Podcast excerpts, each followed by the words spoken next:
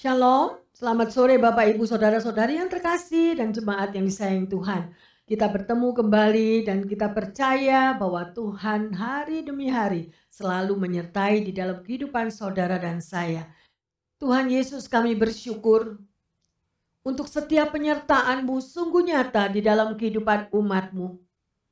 Sudah sepatutnya dan sepantasnya lah Tuhan bahwa kami semakin melekat kepada Engkau karena bukti kasih-Mu sungguh nyata di dalam setiap pribadi lepas pribadi oleh karena itu Tuhan, di dalam waktu yang luar biasa ini, dengan hati yang terbuka, kami mau mendengar akan firman-Mu. Ajarilah kami ya Tuhan, sejauh apa pun yang kami belum mampu untuk mengerti Tuhan dan menyadari. Dan banyak kekurangan di dalam kehidupan kami Tuhan. Tapi pada sore hari ini kami mau belajar sungguh-sungguh Tuhan. Mampukan kami untuk kami mampu melakukan firman-Mu. Sehingga kami mampu untuk bersyukur dan bersyukur. Karena perbuatanmu nyata, kasihmu nyata di dalam kehidupan kami. Di dalam nama Tuhan Yesus. Kami berdoa. Haleluya. Amin. Bapak, Ibu, Saudara-saudari yang terkasih di mana pun Anda semuanya berada. Kita percaya bahwa Tuhan Yesus sangat mengasihi umatnya. Ya. Dan Tema pada sore hari ini adalah mengatur waktu dengan bijaksana. Mengapa? Karena sering kali anak-anak Tuhan tidak dapat mengatur akan waktu di dalam hidupnya. Ya. Kita tidak perlu hebat untuk memulai. Tapi kita harus memulai untuk menjadi hebat. Ada amin? Semua yang ada di dunia ini akan selalu berpacu dengan waktu. Alat-alat komunikasi yang semakin canggih, transportasi semakin modern, masih banyak bidang lain yang berkembang dengan pesat. Semua seolah-olah dikejar oleh waktu atau akan mendapat julukan ketinggalan zaman.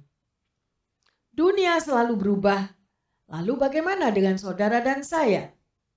Sudahkah kehidupan kita menjadi semakin berkualitas ataukah justru mengalami kemunduran?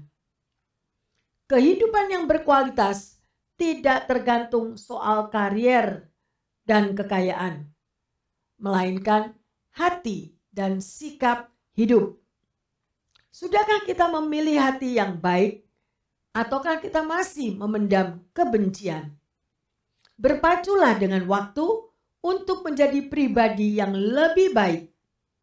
Hari-hari yang kita jalani terkadang terasa mengalir dengan amat cepat. Kita bangun sejak pagi buta, bahkan sinar mentari yang berbijar binar belum lagi benar, ya, belum lagi mekar, ya, tetapi kita merasa sudah keteteran. Artinya kita nggak sanggup berpacu dengan waktu. Kita merasa tidak cukup memiliki waktu untuk melaksanakan pekerjaan kita.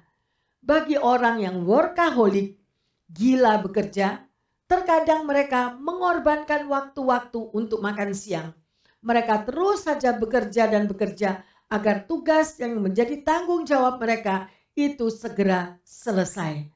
Mari kita baca bersama-sama di Mazmur 90 ayat yang ke-12. Mazmur 90 ayat 12. Ajarlah kami menghitung hari-hari kami sedemikian, hingga kami beroleh hati yang bijaksana. Ya, kita lihat di sini. Pada ayat ini ya, Musa menuliskan betapa kita sesungguhnya memerlukan hikmat Tuhan untuk untuk mengatur waktu-waktu yang kita miliki. Ya, jadi kita harus mengatur waktu itu, ya. Ajari kami, ya, kita mohon kepada Tuhan agar, agar kita diajari untuk dapat menghitung hari-hari kami dengan bijaksana dan menyadari betapa sedikitnya hari-hari itu. Berdoalah kepada Tuhan agar Tuhan menolong kita untuk menjalani hidup sebagaimana patutnya dan mohon pimpinannya agar saudara dan saya dapat memaksimalkan 86.400 detik yang dia berikan kepada kita setiap harinya. Ya. Di dalam buku yang berjudul The Top 5 Regrets of Dying. Ya, of the Dying. Brownie Ware melakukan wawancara terhadap para pasien di rumah sakit. Dan mereka rata-rata 12 minggu sebelum pasien itu meninggal dunia ya itu selalu diwawancarai. Dari hasil wawancara tersebut, pasien itu mengatakan bahwa mereka sangat menyesal karena tidak mempergunakan waktunya di masa lalu dengan baik. Ya, terutama pada masa mudanya. Terlebih lagi, penelitian yang hampir sama pernah juga dilakukan di Brasil. Sebuah paket, uh, sebuah angket, sorry, pernah diedarkan kepada ribuan responden. Dan salah satu pertanyaannya adalah, hal apakah yang Anda sesali dalam hidup Anda? Ya. Hasil responden menjawab bahwa hal yang membuat mereka menyesal adalah tidak menggunakan waktu mereka di masa lalu dengan baik. Ya, seandainya saja mesin waktu itu sungguh-sungguh ada, mungkin ada banyak orang yang ingin kembali memperbaiki akan masa lalunya. Ya, jadi apa yang sudah mereka lakukan? Jadi mereka sesali, kepingin semuanya itu dia ingin untuk diperbaharui akan masa lalunya. Mari kita baca di dalam pengkhotbah 3 ayat yang pertama dan kedua. Pengkhotbah 3 ayat pertama dan kedua. Untuk segala sesuatu ada masanya untuk apa pun di bawah langit ada waktunya. Ada waktu untuk lahir, ada waktu untuk meninggal, ada waktu untuk menanam, ada waktu untuk mencabut yang ditanam. Ya, jelas sekali. Pendengar yang setia, saya menghimbau, bacalah firman Tuhan supaya Anda lebih mengerti apa yang Tuhan sudah berikan rambu-rambunya di dalam Alkitab. Tuhan sudah memberitahukan terlebih dahulu sehingga pada waktu kita merindukan jawaban doa, kita akan mendapatkan ketenangan, keteguhan, dan kekuatan melalui firman Tuhan yang Anda baca. Ya, jadi sehebat atau sepintar apa pun manusia tidak dapat melawan atau menahan lajunya waktu. Apa pun yang terjadi, waktu akan terus berjalan tanpa memperdulikan sikap kita terhadapnya. Ya, semua yang ada di dunia ini dan lamanya kita berada di dunia ini juga dibatasi oleh waktu. Kita baca pengkhotbah 3 ayat 14. Pengkhotbah 3 ayat 14. Aku tahu bahwa segala sesuatu yang dilakukan Allah akan tetap ada untuk selamanya. Itu tak dapat ditambah dan tak dapat dikurangi. Allah berbuat demikian supaya manusia takut akan dia. Bapak Ibu Saudara-saudari yang terkasih, ayat ini sungguh luar biasa. Ya, segala sesuatu yang dilakukan oleh Tuhan itu sudah tetap ada untuk selama-lamanya. Kita tidak bisa merubah apa yang ditetapkan oleh Tuhan. Ya, tidak dapat ditambah, tidak dapat dikurangi dan itu akan membuat kita takut akan Dia.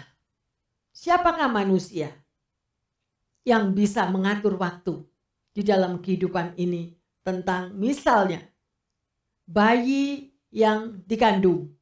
Dikatakan oleh dokter 9 bulan 10 hari. Tetapi kenyataannya ada bayi yang lahir 7 bulan. Ada bayi yang lahir 8 bulan. Jadi semua yang pegang kendali adalah Tuhan Yesus. Oleh karena itu berpautlah senantiasa kepada Tuhan. Amin. Haleluya. Ya. Ada nasihat yang mengatakan ya bekerjalah begitu rupa seolah-olah engkau akan hidup seribu tahun lagi dan beribadalah dengan sungguh-sungguh seolah-olah engkau akan meninggal esok hari ya artinya waktu itu adalah sangat berharga dan jangan menyia-nyiakannya tetapi gunakanlah sebaik mungkin dengan seimbang ya yaitu apa ada yang pepatah mengatakan uh, ora et labora, bekerja dan berdoa. Ya, bekerja dan beribadah harus ada. Begitu jatah waktu yang diberikan Tuhan kepada kita habis, usai, maka sudah waktunya kita bekerja dan bercerilah di dunia ini, maka waktu yaitu habis kita akan pulang. Pulangnya ke mana? Pulang ke rumah Bapak atau ke rumah yang lain. Saudara pasti bisa memikirkan sendiri. Ya, selama kita hidup dan diutus di tengah dunia, persoalan akan datang terus menerus silih berganti. Kita nikmati dan kita hadapi dengan energi, dengan investasi spiritual yang masih kita miliki. Jadi jangan sia-siakan dalam waktu ini. Ya, kita tahu siapa Rabindranath Tagore, orang besar di India yang sangat terkenal itu di dalam menghadapi persoalan hidup ia selalu berdoa dan memohon kekuatan daripada Tuhan. Dan dia katakan, berikan aku kekuatan untuk meringankan bebanku, agar aku sanggup memikul kebahagiaan dan penderitaan. Beri aku kekuatan agar aku setia pada kecintaanku di dalam meyakinimu. Ya, luar biasa. Beri aku kekuatan untuk memasrahkan kekuatanku kepada apa yang kau kehendaki dengan cinta kasih. Itu adalah doa dari seorang Tagore. Doa yang real sekaligus doa yang syarat dengan makna. Selain doa dengan kontinu yang kusuk kepada Tuhan, maka kesabaran adalah juga hal yang amat penting di kedepankan di dalam kehidupan.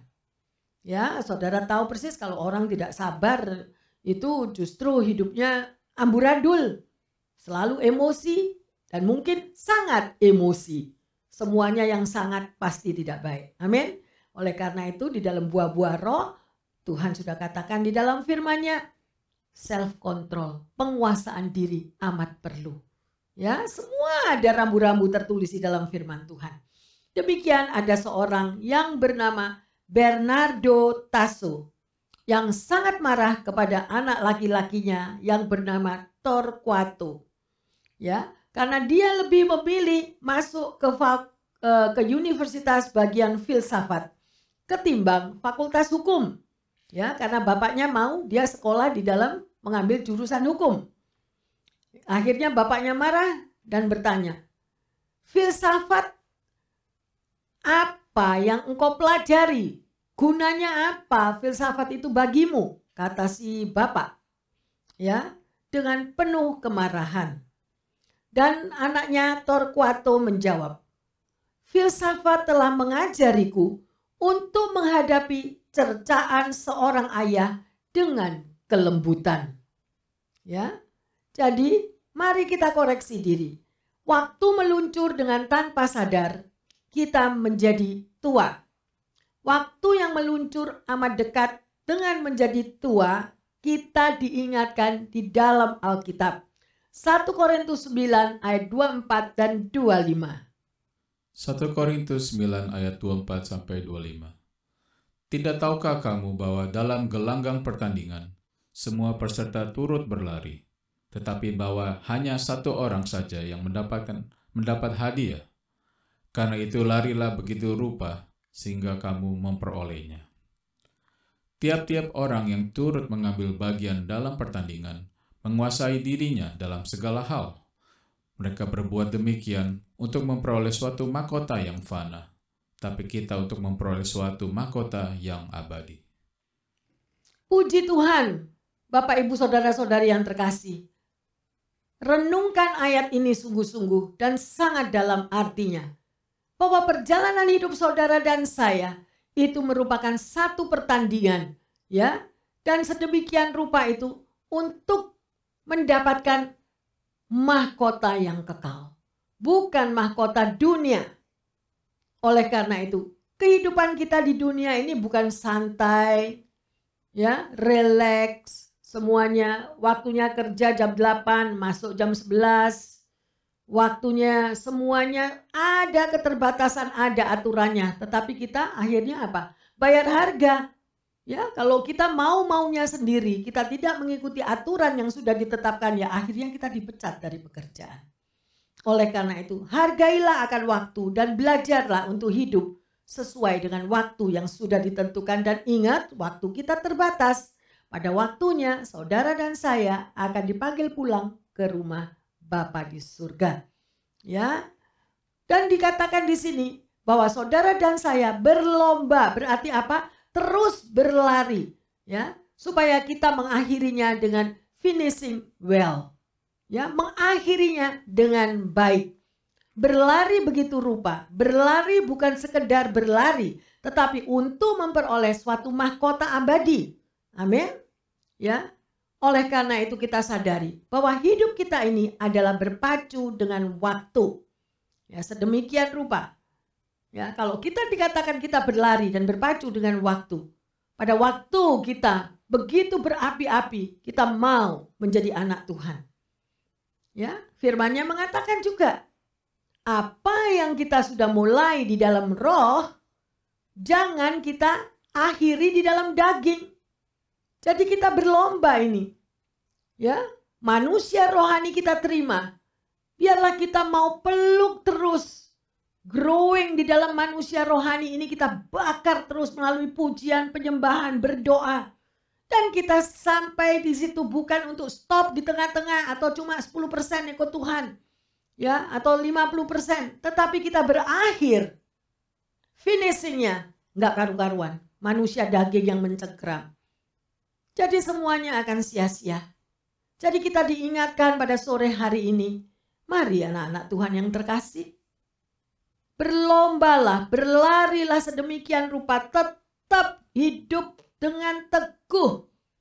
Manusia rohani tidak keluar sehingga bukan lagi kedagingan yang menguasai maka menjadi manusia daging. Ya, jangan tukarkan keselamatanmu dengan segala jebakan-jebakan duniawi yang menyesatkan. Kita yang rugi. Ya, sedemikian rupa. Maukah Anda dan saya mempersembahkan hari-hari yang ada dengan melakukan apa yang Tuhan kehendaki sesuai dengan panggilan Tuhan di dalam hidup saudara dan saya. Memang tidak mudah. Oleh karena itu, kita membutuhkan komunitas yang sehat. Komunitas yang sehat bukan daripada jumlah, Komunitas yang sehat yaitu saling bergandeng tangan dengan kuat di dalam bimbingan, di dalam kuasa Roh Kudus yang satu lemah yang pada waktunya semakin yang lain bergantian untuk menguatkan. Maka di situlah kita akan berlomba-lomba dan kita bisa naik ke gunung yang kudus, ke gunung Tuhan yang kudus bersama-sama mengalami kemenangan. Itu yang harus kita raih. Ya, jangan menikmati tipu daya dunia yang menyesatkan Ya. Dan mari kita lanjut seperti apa tadi yang dikatakan di mahkot, uh, di pengkhotbah 3:14. Bahwa segala sesuatu yang dilakukan oleh Tuhan akan tetap ada sampai selamanya. Tidak dapat ditambah dan tidak dapat dikurangi. Ya, supaya manusia ini takut akan Tuhan. Jadi, sehebat atau sepintar apa pun kehidupan manusia itu tidak dapat menahan lajunya akan waktu. Amin. Jadi apa pun yang terjadi, waktu akan terus berjalan tanpa memperdulikan sikap kita. Ya, sikap kita mau gimana, waktu jalan terus ya. Kita mau mabuk sampai tengah malam, besok sudah hari baru lagi. Selalu hari baru, hari baru, terus hari, ganti hari. Ya, oleh karena itu apa yang ada selamanya di dunia ini ya pada saatnya dibatasi oleh waktu. Ya, seperti tadi dikatakan, semuanya ada masanya. Dengan kata lain, kesadaran seseorang terhadap waktu akan mempengaruhi tingkat produktivitasnya dan kesungguhannya di dalam memanfaatkan waktu. Karena waktu itu adalah sangat berharga, jangan menyia-nyiakannya. Amin. Tetapi gunakanlah sebaik mungkin dengan seimbang, yaitu dengan tadi sudah dikatakan bekerja dan beribadah. Ya, sedemikian rupa. Mari kita lanjut di dalam 1 Korintus 3 ayat 12 sampai 15. 1 Korintus 3 ayat 12 sampai 15. Entahlah orang membangun di dasar di atas dasar ini dengan emas, perak, batu permata, kayu, rumput kering, atau jerami. Sekali kelak pekerjaan masing-masing orang yang akan nampak. Karena hari Tuhan akan menyatakan setiap sebab ia akan menampak dengan api dan bagaimana pekerjaan mereka masing-masing orang akan diuji oleh api itu. Jika pekerjaan yang dibangun seseorang tahan uji, ia akan mendapat upah. Jika pekerjaannya terbakar, ia akan menderita kerugian. Tetapi ia sendiri akan diselamatkan dengan tetapi seperti dalam dari api dalam api itu. Ya, jelas bukan yang kita baca sore hari ini. Oleh karena itu berhati-hatilah. Ya, semuanya itu akan dibuktikan pada waktunya. Terserah Anda membangun di atas emas, perak, batu permata, kayu, rumput kering atau jerami. One day akan nampak dengan jelas siapa Anda dan saya. Mari kita berlomba-lomba. Isi kehidupan kita dengan full, dengan penuh untuk kemuliaan Tuhan, bukan penuh dengan duniawi, penuh dengan segala yang tidak benar, tetapi penuh di dalam apa yang sesuai dengan panggilan Anda dan saya. Karena apa pun talenta yang sudah diberikan kepada tiap-tiap kita, satu hari kita harus mempertanggungjawabkan di hadapan Tuhan. Amin. Ya, oleh karena itu, sekali lagi saya katakan, jangan sia-siakan waktu kita selama kita ada hidup di dunia. Ya. Satu hal yang pasti adalah bahwa segala ketetapan Tuhan adalah kekal. Apa yang ditetapkan untuk Anda, apa yang ditetapkan untuk suamimu, istrimu, anak-anakmu itu semuanya kekal di hadapan Tuhan, tidak dapat dirubah. Ya, dan waktu itu terus berputar, kita tidak dapat untuk menghentikannya, apalagi untuk memutarnya kembali. Itulah keterbatasan kita. Hari ini kita belajar akan keterbatasan waktu yang ada. Mari kita menghargai dengan sungguh-sungguh. Pergunakanlah untuk hal-hal yang penting dan berguna. Serta milikilah prioritas yang benar. Saat kita mengingat hal-hal ini setiap hari, percayalah, maka kita akan lebih bijak di dalam menggunakan waktu yang Tuhan berikan kepada kita.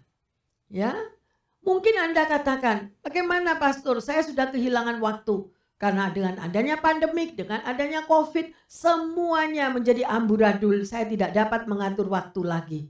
Ya, karena banyak-banyak goncangan yang terjadi, banyak masalah, pekerjaan yang tertinggal, ya, ekonomi yang terpuruk sehingga saya tidak dapat mempergunakan waktu dengan benar.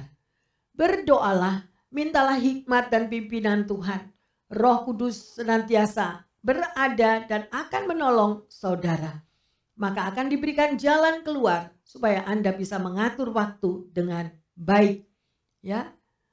Hari ini kita belajar akan segala keterbatasan waktu yang ada. Sekali lagi, hargailah dengan sungguh-sungguh. Kalau Anda belum mampu untuk mengatur waktu Anda, mulai sekarang Anda cobalah belajar, ya. Milikilah prioritas yang benar Ya. Jadi ingatlah hal ini setiap hari, maka kita dapat menggunakan waktu dan memberikan waktu yang terbaik bagi Tuhan. Pernahkah secara pribadi kita menyadari bahwa ada banyak begitu waktu yang kita terbuang dengan percuma? Ya, apa yang harus kita lakukan untuk mengubahnya? Langkah apa saja yang perlu saudara dan saya lakukan agar menjadi bijaksana di dalam menggunakan waktu yang Tuhan sudah berikan. Ya, adalah sangat baik kalau kita, saudara dan saya membuat satu daftar harian yang kita tulis. Jadi setiap hari kita tahu dari jam segini sampai jam segini apa yang dilakukan. Dari jam ini sampai jam ini kita lakukan. Jadi itu mendisiplin diri kita sendiri.